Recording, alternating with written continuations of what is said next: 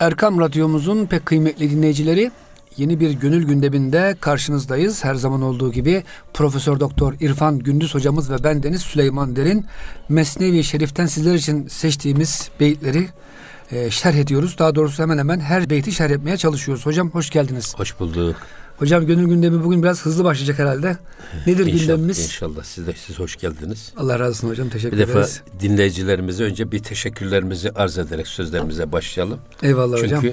sabırla bizi dinlediler ve ilk iki cildi bu e, Tahirül Mevlevi'nin Mesnevi Şerhi'nin ilk iki cildini bitirdik. Bugün Besmele ile inşallah üçüncü cildine başlıyoruz. Eyvallah hocam. Hayırlı Bu da inşallah. 1149. beyt.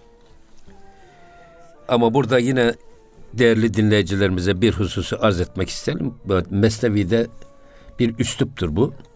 Sadece Mesnevi'de değil esasında hem Kur'an-ı Kerim'de dikkat çekilen bir konu. Efendim mesela nasıldı o? Efela yanzurune ilel ibili Keyfe hulikat. mesela. Hayvanlar, hayvanları konuşturma, intak sanatı. Bu intak sanatı mantıkı tayırda var. Felidüttünü attarın. Öbür taraftan Kelile Dimne'de var. İşte Mesnevi'de var. Ama bunlar nereden alıyorlar şeysini? Kur'an-ı Kerim'den alıyorlar. Kur'an-ı Kerim'de Nahl suresi var. Bakara suresi var. Bakara suresi var. Arıyla ilgili. Dolayısıyla burada bu intak sanatı dediğimiz hayvanları konuşturarak esasında insanları ikaz etme, insanların ibret almasını sağlama. Şimdi kıssalar anlatılır ama kıssalar esasında hisse almak için anlatılır. Bu yüzden Kur'an-ı Kerim'in hemen hemen üçte ikisi kıssadır.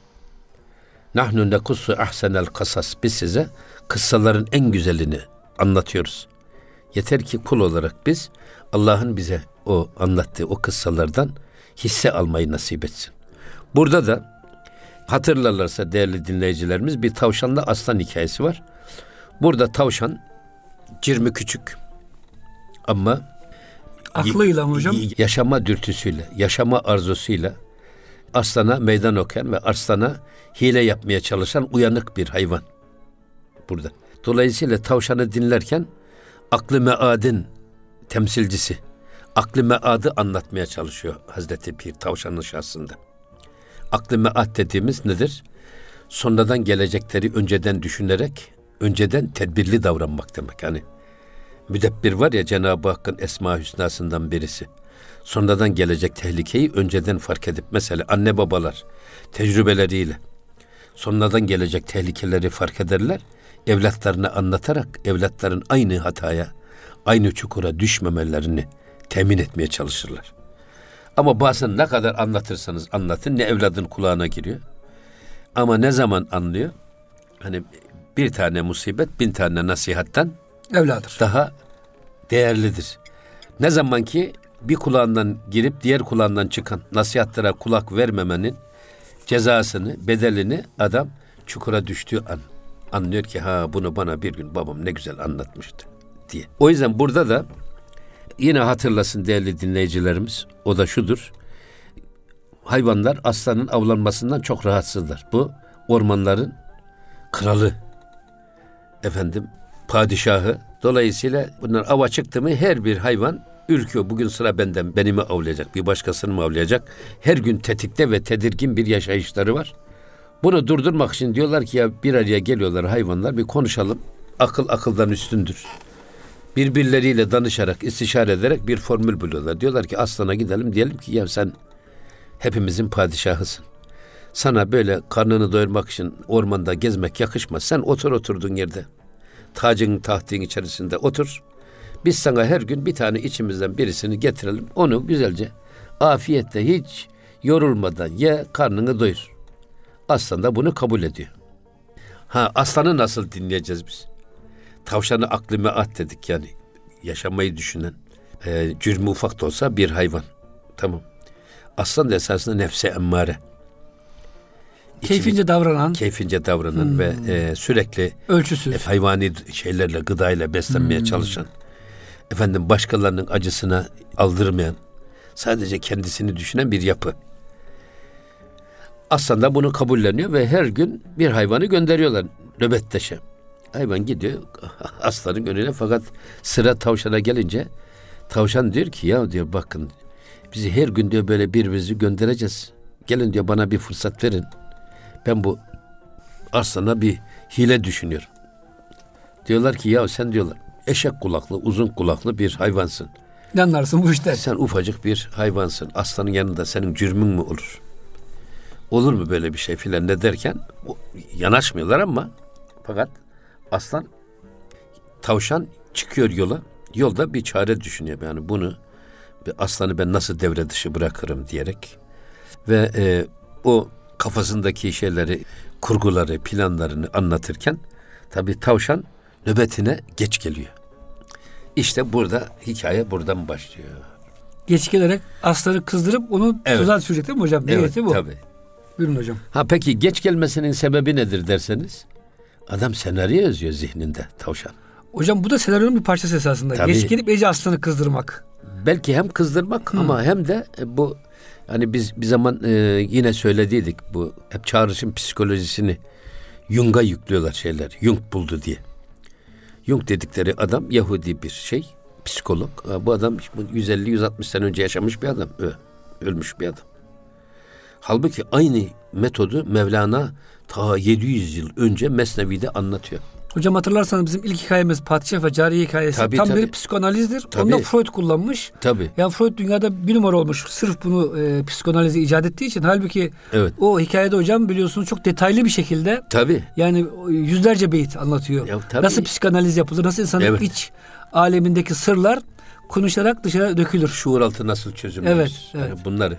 O yüzden burada sırf Hazreti e, Mevlana'nın orada işte e, cariyeye soruyor. Hani cariyeyi götürmüşler doktor doktor gezdirmişler padişahın cariyesi. Ama erimiş akmış tedavi imkanı yok. Sonra Mevlana'ya getirmişler. Ya Arif diye geçiyor. Mevlana anlatıyor hikayeyi. Evet efendim işte Arif'e getirmişler. O da kızın nabzını eline alıyor ona bazı sorular soruyor. Bazı şehir isimleri sayıyor. Mesela işte İstanbul diyor, Ankara diyor, efendim Bel diyor. İsfahan diyor. E, İsfahan diyor ama Semerkant deyince kızın hemen nabzı yükseliyor. Bunu takip ediyor parmağıyla. Semerkant'ta diyor bir hadise olmuş. Ondan sonra belli meslek gruplarını sayıyor. Demirci diyor, çiftçi diyor, efendim işte berber diyor, terzi diyor. Sarraf deyince tekrar kızın nabzı yükseliyor. Yüzüne kan geliyor, sararmış benzine. Bunun üzerine diyor ki sultanım diyor bak sizin bu kızınızın derdi Semerkant'taki sarrafla ilgili. Ya kızınızı Konya'dan Semerkant'a götürün ya da Semerkant'taki sarrafı Konya'ya getirin. Bunların derdinin devası bu ustattır. İşin hocam ilginç tarafı Cariye'nin bunun haberi yok. Evet. Cariye konuşmuş sadece evet. hiç bilgi verdiğini düşünmüyor mesela. Evet. Ama bütün bilgiyi şuur altından almış. Almış. O Arif Hakim ha, zat. Burada esasında yalan makinesi de buradan çıkıyor. Evet. Mesela bir insanın kendisine sorulan soruya cevap verme süresi eğer muhataplarından saklayacağı bir yönü yoksa saniyenin 20'de biri kadar bir süre içinde cevap veriyor normalde. Ama sorulan soru biraz karışık. Adamın, sorulan adamın muhatabından sakladığı bazı şeyler varsa adam hemen içinden bir senaryo hazırlamaya çalışıyor. Bu da o zaman da süre uzuyor. Bu uzayan süreye bakarak siz bu adamın yalan söylediğini anlıyorsunuz. Eyvallah. İşte bu esasında burada da diyor ki bak niye tavşan geç geliyor randevusuna? Çünkü tavşan kafasında ne tasarlıyor? Ya buna bir ben bir tuzak kurmam lazım. Buna bir formül bulmam lazım. Buna bir senaryo yazmam lazım derken o hazırlık o zaman e, tavşanın aslanın randevusuna gelmesini geciktiriyor. Bunun üzerine şiir enderate şu derhiş mu şuur. Şiir diyor böyle e, gazap ve ızdıraptan ateş gibi böyle kızardığı, kızgınlaştığı bir zamanda Didkan hargoş mi ayet zidur gördü ki tavşan uzaktan gözüktü, ufuktan tavşan gözüktü. Şimdi düşünün ki emri yerine getirilmeyen bir padişahın veya bir amirin karşısına memurun çıkışını düşünün. Şimdi buradaki tavşanın konumu ve Arslan'ın durumu. Arslan müthiş bir şekilde haykırıyor efendim önündeki Kükrüyor. kükrüyor önündeki toprakları eşeliyor filan. Nasıl olur da diyor bugün benim nöbetime gelmedi. Ben zaten açlıktan ölmüş bitmişim perişan olmuşum filan. Böyle bir şey söylüyor. Aslanı tarif ediyor. Ha, burada ne var? Bir can korkusu. Hani bizde bir çok güzel bir laf var. Canı yanan eşek attan ileri gider derler. Adam şimdi şey e, tavşan yaşamak istiyor. Ufak da olsa. Siz büyüklüğü ve ufaklığı cirmile ve cisimle değerlendirmemeniz lazım. Esasında büyüklük öyle yaşta da değil, büyüklükte de değil. Keskin irade ve azim diyelim mi hocam biraz? E tabii yani e, yani büyüklük ilimdedir. Evet, iradenin olmasındadır. Efendim bu yetenektedir ve bu yeteneği kullanmadaki iradededir. Yani hani akıl yaşta değil baştadır derler ya. Eyvallah. Bizde. O yüzden eğer baktığınız zaman gerçekten yani gerçi ileride buna Hazreti Pir de e, şey yapacak ama tavşanın buradaki durumu bu. Adam canının peşine düşmüş. Ben bu canımı kurtarmalıyım. Yoksa bugün benim son günüm diyor tabii. Peki aslanın konumu ne? Düşünün ki acıkmış ve e, söz veren de gelmemiş.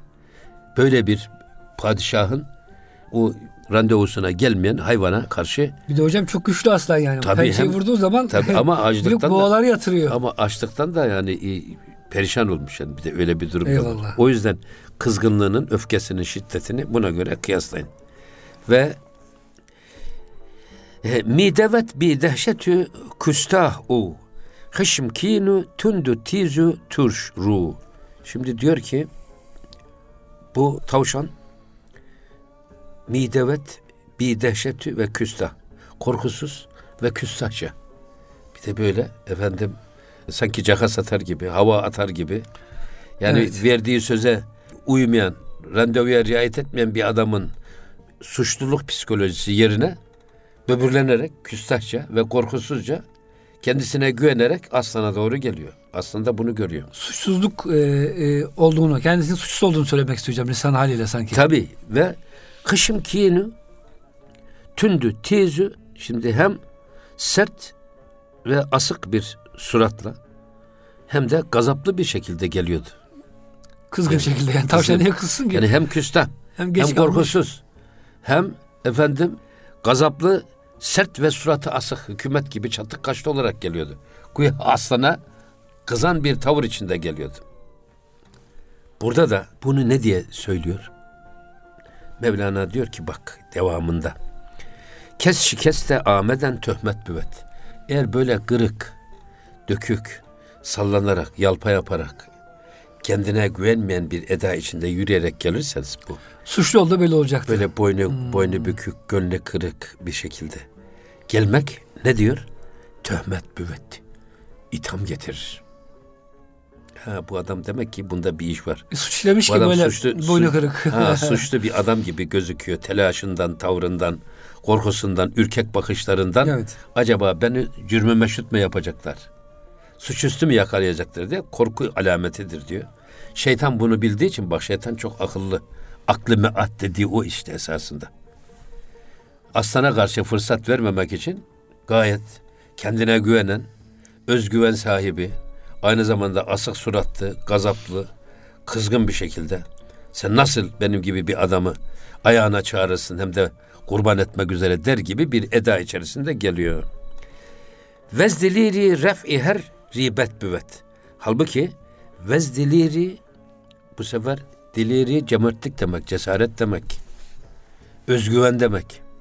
Halbuki eğer adam böyle cesaretle, özgüvenle, korkusuzca yaklaşırsa eğer ref'i her ribet büvet. Bu da reyip şüphe demek. Her şüpheyi ortadan kaldırır. Mesela adam işte bakıyoruz bazen cinayet işleniyor. Çok soğuk Cani en yakınından çıkıyor ve cani geliyor bir şeyde ağlıyor.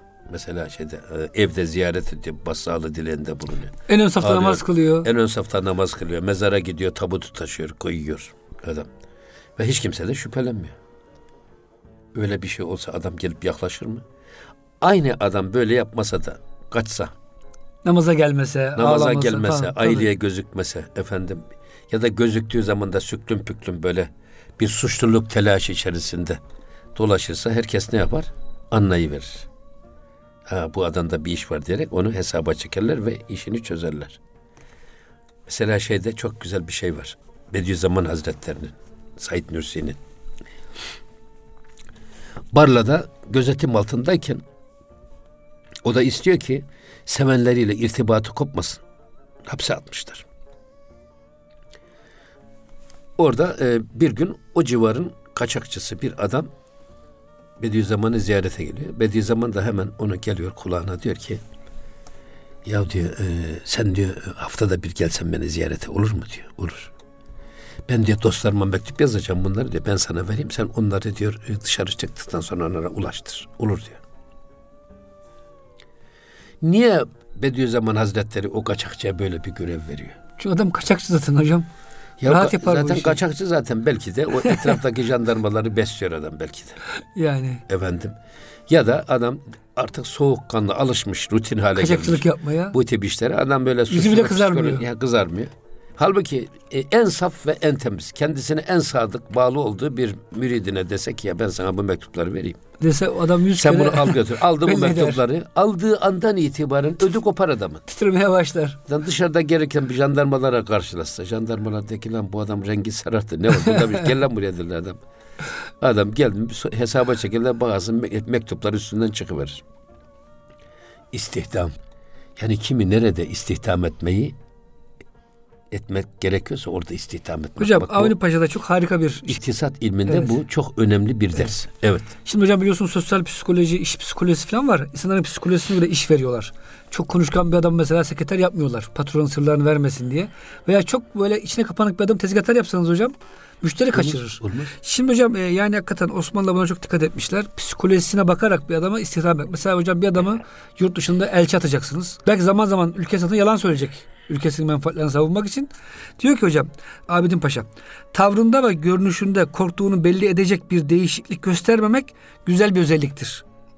Buna sahip olabilmek dört şeye bağlıdır. Birincisi insanın yaratılışında korkusuzluk olması gerekir. Yani yurt dışına elçi gidecek adam, asker olacak adam korkak bir adamdan olmaz diyor hocam. İkincisi vücudundaki kan ve sinir dengesinin dengeli ve ılımlı bulunması lazımdır. Üçüncüsü alemin soğuk ve sıcağını yaşamış, görmüş, geçirmiş olması gerekir. Görgülü. Görgülü. Dördüncüsü her zaman emir verenlerden olmamalıdır. Her zaman patron konumundaysa olmaz. Bazen de emir almış olacak bir adam olacak ki e, yani işler ters gittiğinde e, evet, idare etmesi bilecek diyor hocam. Ya bu işte yani bu burada bak mesela e, hitabeti tarif ederken ne diyorlar? Muktezayı hale göre ifadeyi meram etmek. Duruma göre. Kişiye göre. Mesela kellimin nase ala kaderi ukulihim. Efendimiz ne buyurmuş? İnsanlara seviyelerine göre konuşunuz. Çok yukarıdan konuşsanız adam anlamaz. Anlamayan adam da sizi de dinlemez. Siz kendi kendinize çalıp kendi kendinize oynamış olursunuz.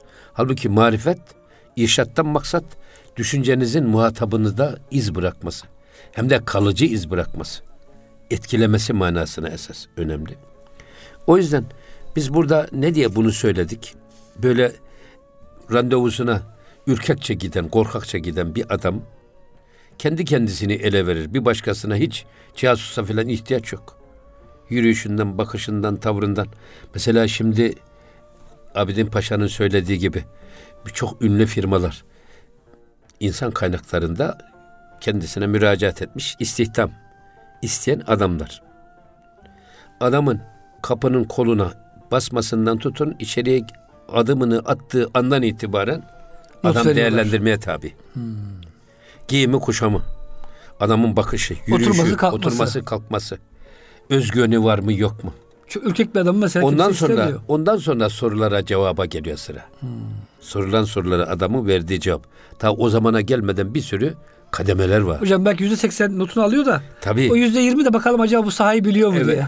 evet yani. hocam kısa bara vereceğiz. Çok güzel evet. bir yerde kaldık. Şimdi hocam bu iş adamlarına da çok lazım bilgiler var burada. Evet. Onları e, zayi etmeden inşallah ikinci bölümde anlatalım. Muhterem dinleyicilerimiz gönül gündemi bütün hızıyla devam ediyor. Lütfen bizden ayrılmayın. Kısa bir araya giriyoruz. Erkam Radyomuzun pek kıymetli dinleyicileri Gönül Gündemi'nin ikinci bölümünde sizlerle beraberiz. Hocam şimdi çok güzel bir konuya girdik. Şimdi istihdam ederken bir insanı ürkek böyle efendim işte oturmaktan konuşmaktan çekinen bir adamı kimse almak istemiyor. Özellikle hocam devlet görevlerinde, ya bizde, ya önemli bizde, görevlerde. Bizde çok güzel bir söz var. Buyurun hocam. Benzeme şol bir tavuğa ki doğurur bir yumurta vak vakından geçilmez. Benze şol bir küheylana kim doğurur bir kısrak gık demez.'' Ya koca bir e, at doğurur.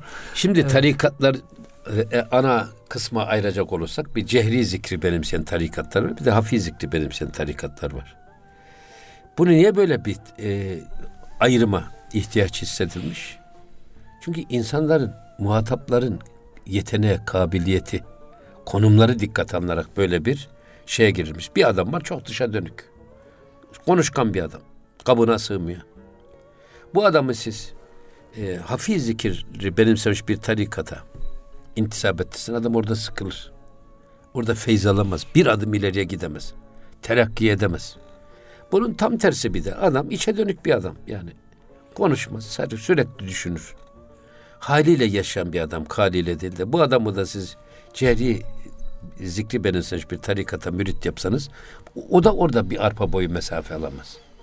Ha demek ki e, insanların yaratılış ve fıtri özellikleri dikkate alınarak tarikatlar ortaya çıkmış. Aslında tarikat usul demek, tarz demek, yol demek, usul demek, üslup demek. Rahmetli e, Muzaffer Ozak Hoca öyle söylerdi. Tarikat erbabı radyo frekansları gibidir. Onlar kendi frekansına uyan insanları muhatap alır. Onu kim bunlar onların dertlerini iyi bilir, biz iyi anlatırız hem de bizim anlattığımızı onlar iyi anlarlar. Anlamayacak adamı anlatmaya çalışmak boşuna bir emektir derdi. Tarikatların bu kadar farklı olması, bu kadar şeyhlerin adedinin artmasının arka planındaki sebep esasında bu. Şimdi biz eğitim ve öğretim yılı başındayız. Bizim eğitim ve öğretimimizin en büyük sıkıntısı bugün çocuklarımızın yeteneklerinin takip edilmeden, ilgi ve isteklerinin dikkate alınmadan herkese uygulanan eğitim sisteminin bunları da uygulanmaya zorlanmasıdır. Genelleme bir eğitim sistemi değil. Bugün gittikçe dünyada pedagojide önemi artan bir şey var. O da rehberlik.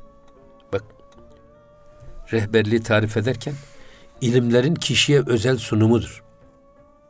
İlmi verilerin bireysel sunumu diye tarif ediyorlar rehberliği. Yani hatta bu bireysel sunum o kadar farklı ki dünkü aynı adama anlatacağınız üslupla bugünkü aynı adama anlatacağınız üslup farklı. Çünkü dün adam çok neşeliydi, bugün biraz üzgün mesela. Başka olaylar oluyor dışarıda. Onları da iş içine katıyorsunuz. Tabii dolayısıyla bak burada e, işte Efendimizin burada insanlara anlayacağı dilden konuşunuz. O an muhatabınızın konumunu dikkate alarak ona göre konuşunuz. Rehberlik budur. Bunu eğer biz kendi kültürümüze atfedersek şehliktir. Mesela sanat meşkle öğrenilir. Ne demek meşk? Usta çırak ilişkisi içerisinde öğrenilir sanat. Sadece e, şey değil, haller de ehli haliyle hemhal olarak elde edilir. İlim de hocanın dizinin dibinde hocayla hemhal olarak sadece ilmin fiziki bilgileri değil, işin manevi tarafı da alınması lazım. O yüzden bunun için biz bunu söyledik esas. Mesela bizim e, bugün Osmanlı'nın uyguladığı sistem bugünkü modern pedagojinin uyguladığı sistemdir. Dört yaşında başlıyor çocuk Sıbyan Mektebi'ne, anaokuluna. Altı yaşına kadar. Altı yaşından sonra da iptidai mektebi, on yaşına kadar. Bu 4 yaşından 10 yaşına kadar çocuğun yeteneğini takip ediyorsunuz. Kabiliyetini takip ediyorsunuz.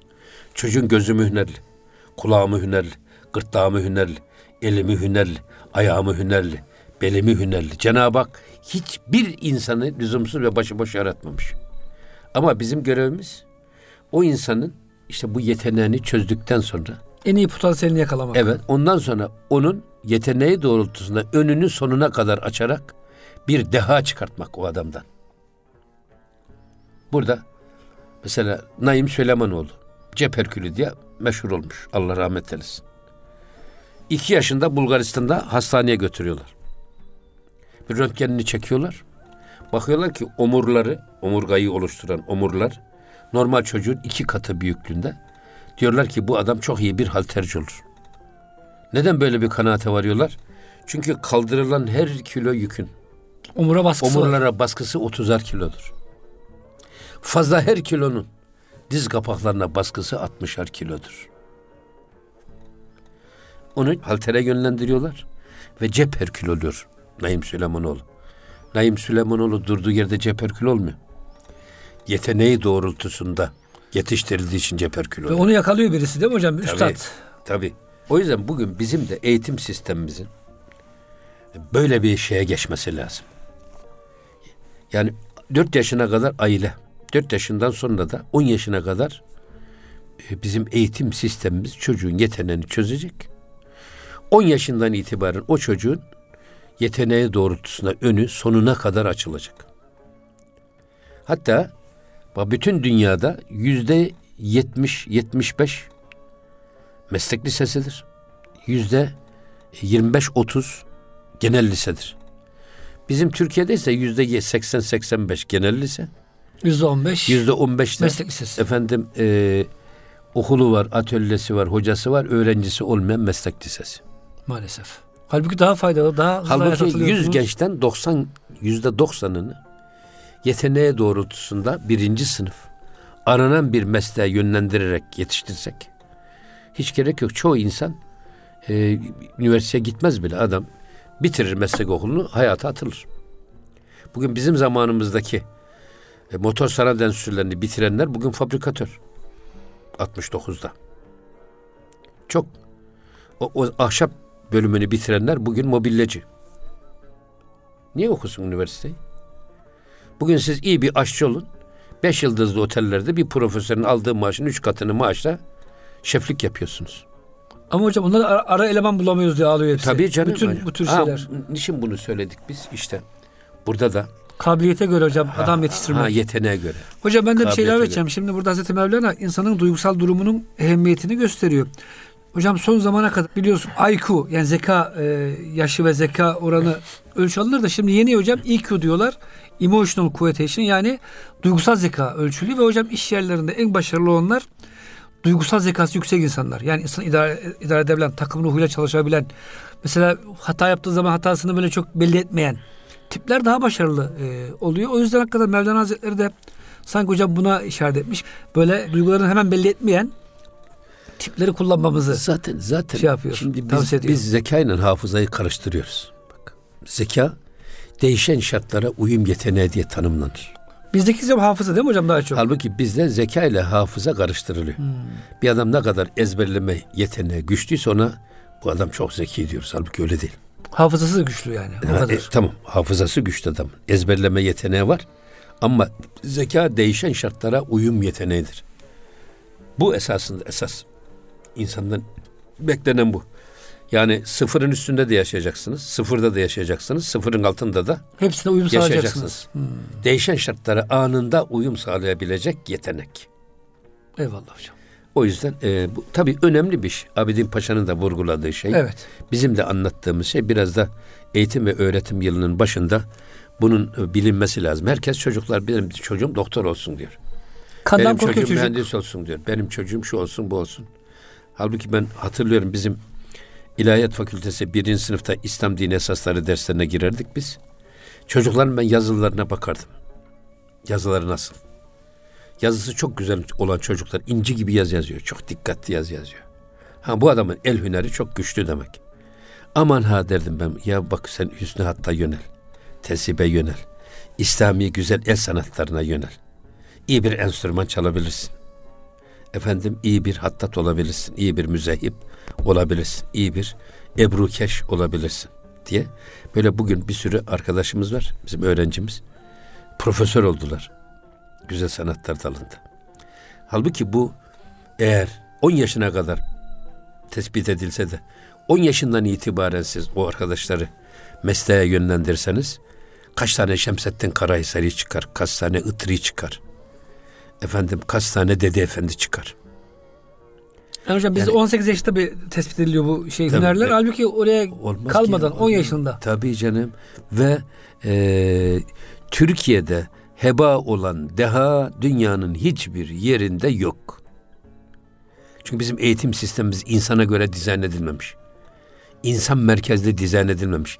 İdeolojik dizayn edilmiş. Halbuki ben diyorum ki ya bırakın bu eğitim çok önemli bir şey. Her birimizin çoluğu çocuğu var, torunlarımız var. Bunlara ideolojik yaklaşmayın da pedagojik çözün. Eğitim ve öğretimi pedagojiye göre çözün, ideolojiye göre çözmeyin. Herkes eteğindeki taşı dökmeli. Pedagoji ilmi ne diyorsa ona göre yol haritasını belirlemeli. İşte burada Hazreti Pir bize bu konuda e, delalet ediyor. Hocam hatırlarsanız e, e, meşhur bizim halk şeyimiz ozanımızı Ankara'ya almıyorlar değil mi hocam? Köylü kıyafetiyle geldiği için Aşık Veysel'i. Diyorlar sen bu e, şalvarla Ya ta o zamanı kasketle- bırakacağım, ta o zamanı bırakın canım. Daha dün 1980'lerde üniversiteyi bitirmesine bir hafta kalmış çocuklarımızı. başörtüsü Polis panzeriyle üniversitenin kapısından kovaladılar. E, hocam idamla yargılandı bunlar. O zaman idam Tabii cezası da yani, vardı. yani bu şey, ta, ta o zamana gitmeyin canım.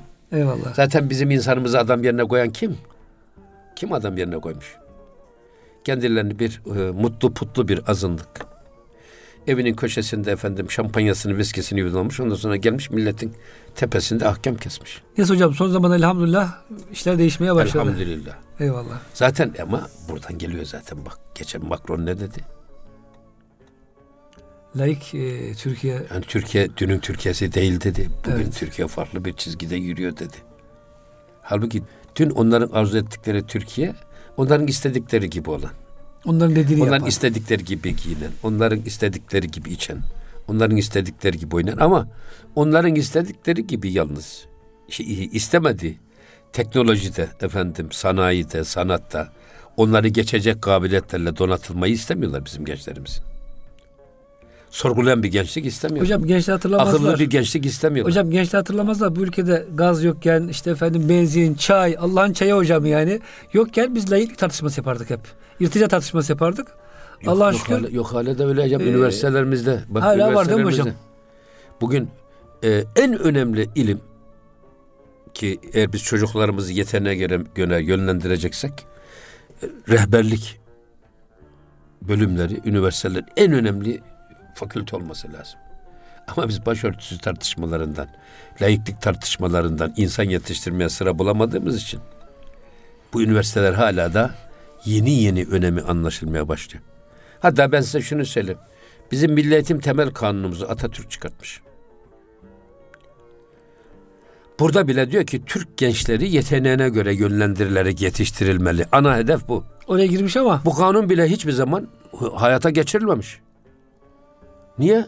Diyor ki kardeşim Türk gençliği bir tomruksa eğer biz bundan sadece parke yapacağız bitti.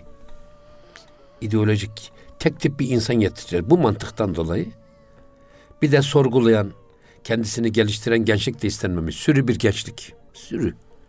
Onların iyi dediğine iyi diyen, kötü dediğine kötü diyen. Onların dediklerini yargılayan bir gençlik istememişler. evet hocam. Bak insan yetiştirme odaklı, insan merkezli. Bizim her problemimiz insan merkezli çözümlenmeli. Eğitimimizde insan merkezli çözümlenmeli. Ekonomimizde, siyasetimizde. Her türlü problemimizin çözümü insan merkeze alınarak çözümlenmeli. İnsanı dikkate almadan bulunan çözümler çözümün değil problemin bir parçası haline gelmiş olur. Türkiye'nin sıkıntısı bu. İşte hocam bunun da sırrı bizim eserlerimizde var Allah'a şükür. Onu diyoruz Amin. yani. Mesnevi'de var. İbn Arabi'de Evet. var hocam. Ee, var da var. Buyurun hocam. Şimdi bak ne diyor. Çun resid u pişter nezdiki saf. Bak çun resid ulaşınca kim? O tavşan. Hem de böyle e, gayet e, dik başlı. Efendim kendine güvenen bir çizgide. Arsayı hem kızdırmış. geç geliyor, hem suçlu hem güçlü. Evet.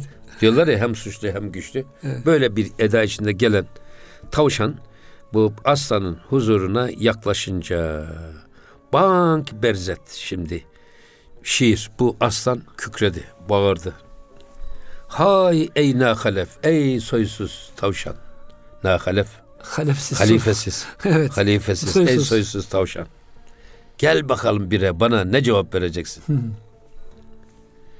Ve bakın dedik dedik ya bak tavşan aklı meadın aslan da nefsi emmarenin şeysi. Bak şimdi. Men ki gavan ra zihem bidri deem. Bak. Men ki gavan ra zehim bidri deem. Ben ki diyor öyle bir aslanım ki ben. Nice diyor öküzleri paramparça etmişim. Evet. Boğaları. Öküzleri parçalamış. Boğaları paramparça etmiş bir aslanım ben. Bak, övünüyor, böbürleniyor. Men ki guşi şiiri ner mali deem. Ben ki erkek aslanların ner. Ner şiir. Hı hı.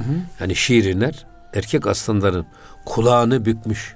Onları da ısırmışım. Onları bile kendime ben de etmişim bir. Bu aslan diğer aslanların da kralı. Ormanların da kralı. Bütün hayvanların da kralı. Hocam ben biraz belgesel çok seyrederim. Hakikaten hocam tek bir aslan, erkek aslan. Hocam yani öküzler biliyorsunuz vurulduğu için daha zayıf. Boğaları e, tek başına hocam parçalıyor hakikaten. Ve hocam erkekler arasında erkek aslanlar birbirlerine savaşıyorlar. En üstün erkek. Tabii en güçlü. Onun başı oluyor. En güçlü. Yani hocam çok e, ilginç bir şekilde Hazreti Mevlana çok böyle hayvanlar aleminde bilen bir insan. Hiçbir verdiği bilgi yani yanlış değil. Tabii. Ama burada tabii bak bu böbürlenme e, böyle Bu ayrı bir konu. kime ait bu? Nefsi emmareye. Nefse emmare ait. Tabii. Yani insanlar da kendi yaptıklarını hep büyük görürler. Ve bir de böyle övünürler. Ben ki. Ben ki şöyle Sen yapmışım. benim kim olduğumu biliyor musun? en basit adam- yansıması bu değil mi hocam? He, adam böyle işte yolda polis çeviriyor. Adam şimdi sen benim kim olduğumu biliyor musun? Halbuki hatalısın. Özel 50 lira kimsin git. sen? Kimsin sen? Ben filancanın yeğeniyim. Ben milletvekiliyim. İşte ben bakanın yeğeniyim, oğluyum. Kim olursan ol. Kanuna uyacaksın. Tabii öyle şey midir? Yani hiç bir şey insanların konulan kanunları çiğnemesine müsaade etmez. Yok öyle bir şey. Yine diyor ki bak. Nim hargoşi ki başet ki o çünin. Ya diyor ki bir tavşan parçası kim oluyor ki? bak. Ben ki diyor bak bu öküzleri parçalamış. Erkek aslanın kulağını bükmüş. Onları kendime bende etmiş bir ormanların kralıyım ben. Sen küçücük bir Böyle bir tavşan ufacık bir tavşan parçası kim oluyor ki diyor. karşıma böyle rahat Sen kim rahat. oluyorsun ki diyor ya. Efendim emri mara efkenet o berzemin. Sen gidiyor bizim emrimizi yere düşürüyorsun. Ben, benim gibi bir böyle bir öküzleri parçalayan aslanları hizaya getiren ormanların kralını ufacık bir tavşan sen kim oluyorsun ki bizim emrimizi yere düşürüyorsun, içe sayıyorsun. Niye sen vaktinde gelmiyorsun diye aslan soruyor. Terki habu gaflet harguş kun. Diyor ki tavşan uykusuyla gafletini bırak da. Ey eşek kulaklı tavşan. Ne diyor? Gurre-i in şiir ey harguş kun. Bak bunu Hazreti Pir söylüyor bunu. Ey diyor tavşan uykusuyla hem tavşan uykusunu hem bu uykunun sebep olduğu gafleti bırak da ey eşek kulaklı tavşan. Şu aslanın bu haykırarak efendim e, böğürerek sana e, söylemek istediğini iyi anla diyor. İyi dinle. Hocam burada roller değişti. Şimdi aslan Evet. sanki hakkın sesi, Evet. tavşan da gafillerin bir e, sembolü gibi Evet oldu. şimdi iyi dinle diyor. Hocam burada şöyle bir şey söylüyor. Biliyorum söyleyecek misiniz? Tavşanlar gözü açık uyurmuş. Ben hocam bunu anlayamamıştım uzun seneler. İmam Rabbani'de de geçiyor bu. Tavşan uykusunu bırak diyor. Tavşan hocam gözü açık olduğu için onu siz uyumuyor zannediyorsunuz. Halbuki hayvan uyuyor. Uyuduğu için de yani uyanık zannettiğiniz için yardımcı olmuyorsunuz. Hani bazı insanlar gözü açık gözüküyor hocam dünyada. Dünya işlerinde. Halbuki adamın gözü kör. Aklı meadi yok yani. Ahiret işlerini hiç görmüyor. Bütün aklının çalıştığı şey E tabii şimdi o menfaatleri. onu, bunu ileride Hazreti Pir bunu güzel açıklayacak bunu esas. Yani e, şeyde ama bu çoğu insan bakar da görmez. bakar kör diyorlar hocam bizde. Bakar da görmez. Ya da tabii burada farklı değerlendirmeler var ama harama bakmak mı günah, haramı görmek mi günah? E, harama bakmak günah herhalde. Bakmakta çünkü biz bir irade var. İsteyerek bakıyoruz. Hani haramı duymak mı günah, haramı dinlemek mi günah? Haramı dinlemek günah. Kulak misafiri oluyoruz, irade. Şuurlu şekilde Niyetle dinliyoruz. dinliyoruz. Hmm. Ama burada da esasında bakar adam e, bakar da görmeyen insanlar da var. Gözü bakıyor ama görmüyor. Farkına varmıyor. O yüzden insanlar gözleriyle değil, gönülleriyle görürler diye bir kaide var. Mesela aynı noktaya, aynı manzaraya baktırıyorsunuz değişik meslek erbabını. Her birisinin gördüğü şey farklı anlattığına baktığınız zaman. Aynı manzaraya bakıyorlar ama kimisinin dağın eteğe çekiyor, kimisini onu öbür taraftaki e, göl çekiyor. Hocam marangoz Kimisini buradaki ağaç çekiyor. Hocam adam marangoz der ki ya bu ormandan amma kereste çıkar. Ha, be, Sanatkarsa ya ne güzel bir portre resim çeki, çek, çizerim ben be, burada. Besici de o çayırlarda yayılan hayvanları görüyor filan.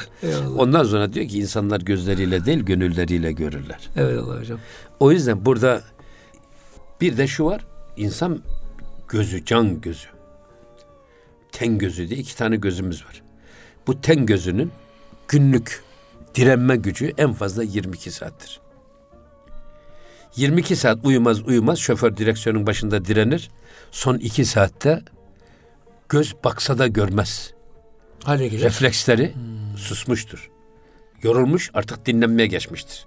Uyu gözünü kapamasa da bakıyor görmüyor. Tavşan uykusudur yani. Aynen onun gibi adam. Bugün çok ağır trafik kazaları hep şafak oluyor. Bütün gece giriyor Çünkü adamcağız. şoför direniyor, direniyor, direniyor. Fakat onda işte o şafak vaktinde artık istese de göz görmüyor. Hücreleri uykuya geçiyor. Göz açık ama adam görmüyor, düşünmüyor. Bakmıyor. Kazalar da tavşan uykusu dediği de bu esasında. Göz açık. Gözü açık olduğu halde görmemek. Bir de Hocam e, bir de kendisini çok göz açık zanne, uyanık zannedip de aslında onu şimdi enteller var ya şimdi. Gözü açık zahiren. kendisini aydın zannediyor ama aslında karanlığın dibinde yaşayan bir sürü adam var. Biraz felsefe biliyor. Biraz He, batıyı kendi okumuş. kendi. Yok canım Batı da okumuştu yok ya sadece özenmiş. Eyvallah. Keşke Batı'yı da okusa da Ciddi okusa. ve bunu da objektif olarak okusa da ondan dersler çıkararak özümlese. O ayrı bir şey. Bunlardan analizler yapsa, o analizlerden sentez çıkarsa doğruyu bulur. Yok böyle bir şey. Maalesef. Kerameti kendinden menkul şeyhler gibi böyle oturdukları yerden ahkam kesmeyi marifet zannederler. Vatandaşlarını hor ve hakir görmeyi. Efendim ya bunlar da kim diyerek hiçe saymayı marifet Köylü, zannederler. çiftçi Evet. diyenler. Halbuki bizim Ahmet Amiş Efendi'nin çok güzel bir şeysi var. Hocam bununla bitirelim inşallah. Haftaya devam edeceğiz yine. Buyurun. İşte Arif'le alimi tarif ederken diyor ki Arif yanlışları bilir diyor. Alim de doğruları bilir diyor. Alim diyor adam kafasında kütüphaneyi taşır. Ne zaman lazım olacağı bilinmeyen bir sürü bilgiler de kafasında ona Meşgul. yük olur. Halbuki Arif'tir yanlışları bilir diyor. Yanlışı görünce düşmez içine. Düşmez. Hangisi daha kestirmeden? E, tabii ki Amış Efendi dediği Arif. İrfan daha kestirmeden. Eyvallah. Benim rahmetli babaannem vardı. Ümmiydi. Ama camiye gitse imam zamm-ı sure okurken bir yanlış okusa bilirdi, hissederdi. Burada bir kulağımı tırmalıyor derdi. İşte ariflik odur. Eyvallah. Hocam Allah hepimize irfan nasip eylesin. Amin. Ee, peki e, hocam burada inşallah bitirelim. Haftaya yine devam ederiz. İnşallah. Ee, kaldığımız yerden. Muhterem İnşallah. dinleyicilerimiz gönül gündeminde e, bugün güzel konulara değindik. İnşallah önümüzdeki hafta aynı konuya devam edeceğiz. Lütfen bizi takip etmeye devam edin. Bir sonraki programda buluşuncaya kadar hepinizi Rabbimizin affına merhametine emanet ediyoruz. Hoşçakalın efendim.